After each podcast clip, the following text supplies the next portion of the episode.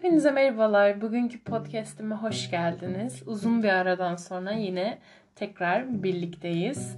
Bugün ne yapacağız? Bugün sizlere 3. E, sınıfta da dersini aldığım film eleştirisi dersinin bana katmış olduğu en büyük zenginlikten olan film izleme listesi gibi bir şey yapmıştı hocamız.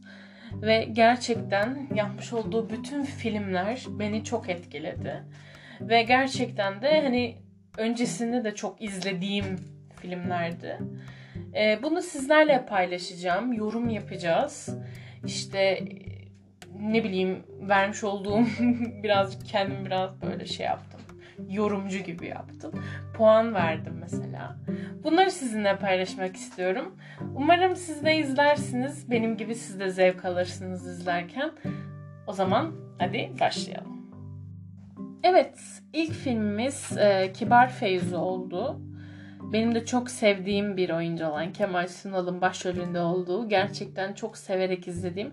Sadece bunda değil bundan öncesinde de izledim ve gerçekten hani her saniyesinde hem güldüm hem gerçekten düşündüm. Hani böyle şeyler oldu dedim. Hani en azından yaşanmışlığı anlatması o ayrı bir mesele. Ee, bu bizim sosyolojik film statüsüne giriyordu. Yani birazcık farklı değerlendirdik bunu.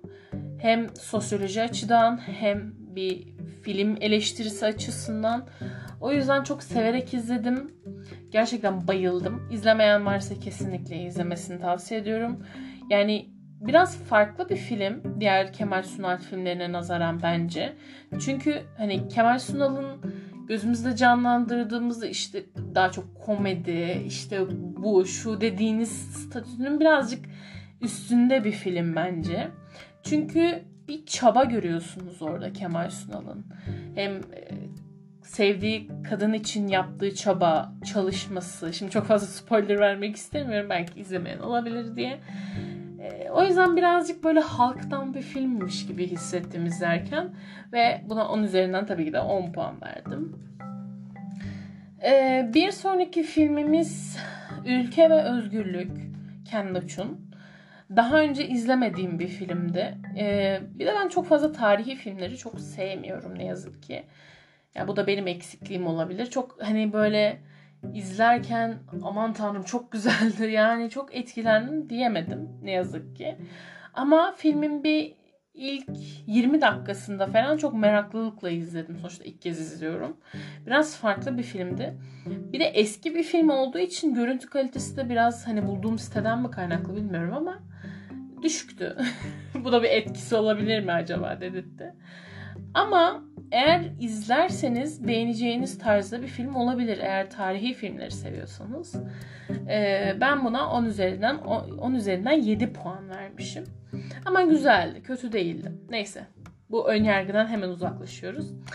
İkinci filmimiz, pardon, üçüncü filmimiz James soyadını hayatta okuyamadım. Mac Took, Took nasıl okunuyor gerçekten bilmiyorum çok özür dilerim. V for Vendetta. E, bunu belki biliyorsunuzdur, belki değil. E, 5 Kasım'ı kim unutabilir diyeyim oradan alttan. e, gerçekten çok sevdiğim bir film oldu. Yani her izleyişimde yani 3-4 defa izlemişimdir bu filmi. O kadar böyle her saniyesini Allah'ım şimdi ne olacak? Ay şimdi ne yapacak? Ay şimdi ne olacak? Ne, ne edecek derken filmi yani hızlıca bitirdim. Ve gerçekten onun üzerine 10-15 defa izleyesim geliyordu yani. Eee bu da yine ideolojik film statüsündeydi bizim. Buna da 10 üzerinden 10 puan verdim. Kesinlikle eğer V for Vendetta'yı izlemediyseniz öneriyorum. Ee, bir diğer filmimiz ise ben bu yönetmenin ismini çok fazla duyuyordum. Fakat e, herhangi bir izlemişliğim yoktu. E, babam çok izliyordu. o yüzden aslında babamdan duydum. Sonra internetten araştırdım diyelim. E, Alfred Hitchcock'un Kuşlar filmini izledik. Şimdi belki biliyorsunuzdur.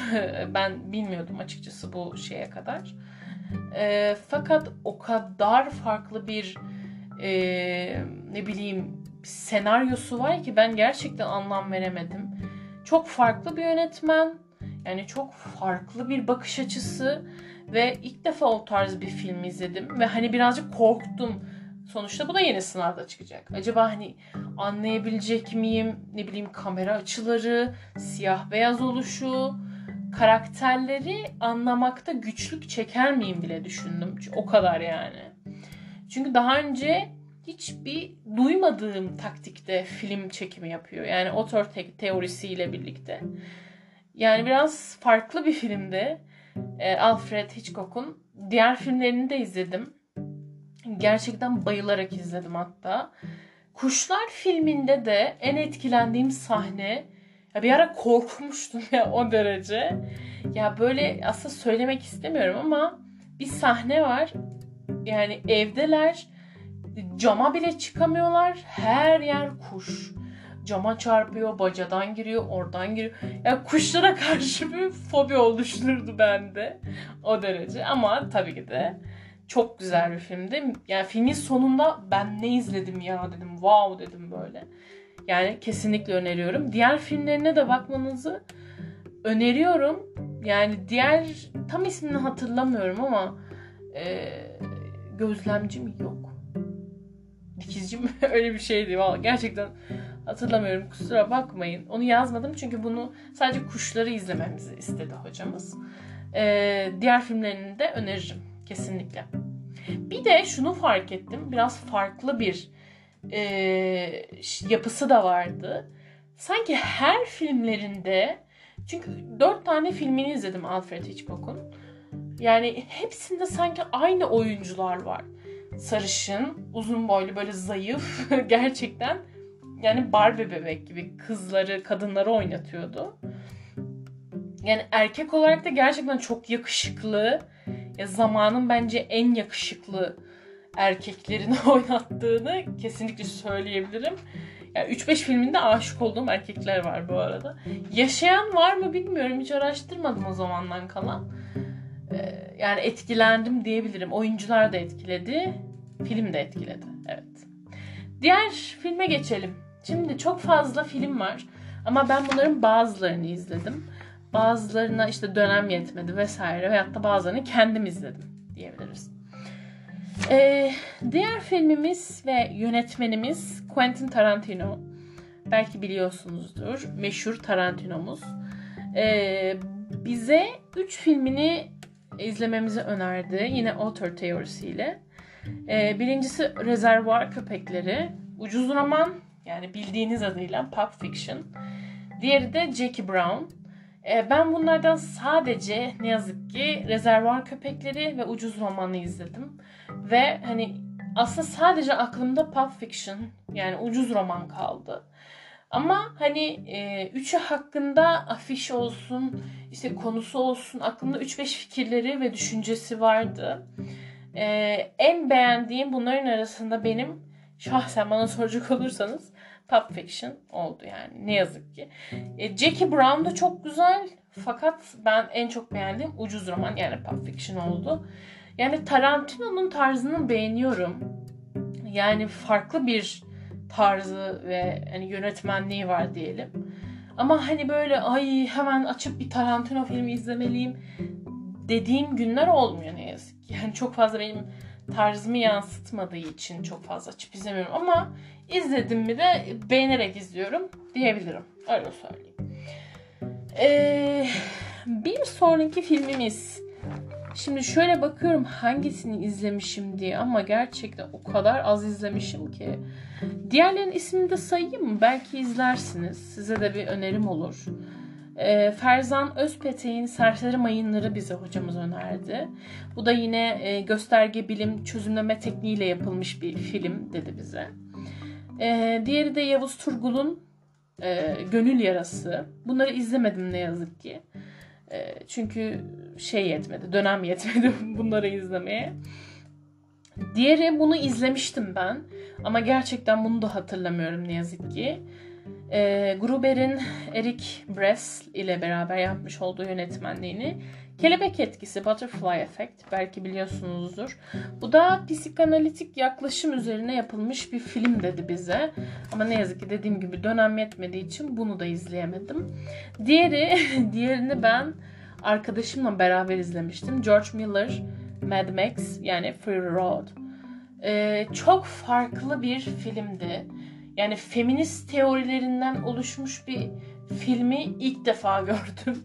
Yani Fury Road biraz farklı bir filmdi yani dediğim gibi. Ee, yani çok uzun zaman önce izlediğim için film hakkında çok fazla detaylı bir bilgim yok. Ama eğlendim ve gayet de güzel bir filmdi. Ee, bu tür hani işte feminizm, feministlik teorilerinden oluşan düşünceleri seviyorsanız izleyebilirsiniz. Ben açıkçası çok sevdim ve çok severek de izledim diyebilirim. Bir sonraki filmim ise Brian Singer'ın Olağan Şüpheliler. Belki biliyorsunuzdur. Bunu yine çok eskiden izlemiştim. Ee, 2010'da falan izledim herhalde. Tam hatırlamıyorum. Belki ondan önce de izlemiş. Ondan sonra da izlemiş olabilirim. Pardon. Ee, bu da ikonografi bağlamı ile ilgili başlığı altında aslında izlediğimiz filmler oldu.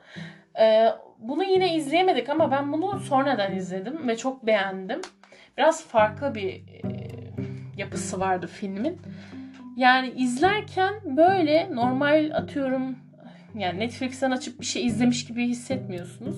Birazcık farklı bir film izliyormuşsunuz gibi düşündürdü ben de en azından. Öyle hissettim yani kısacası. ee, bir sonraki filmim son filmim buraya kadar. Ya bütün filmleri söyledim elimde olan.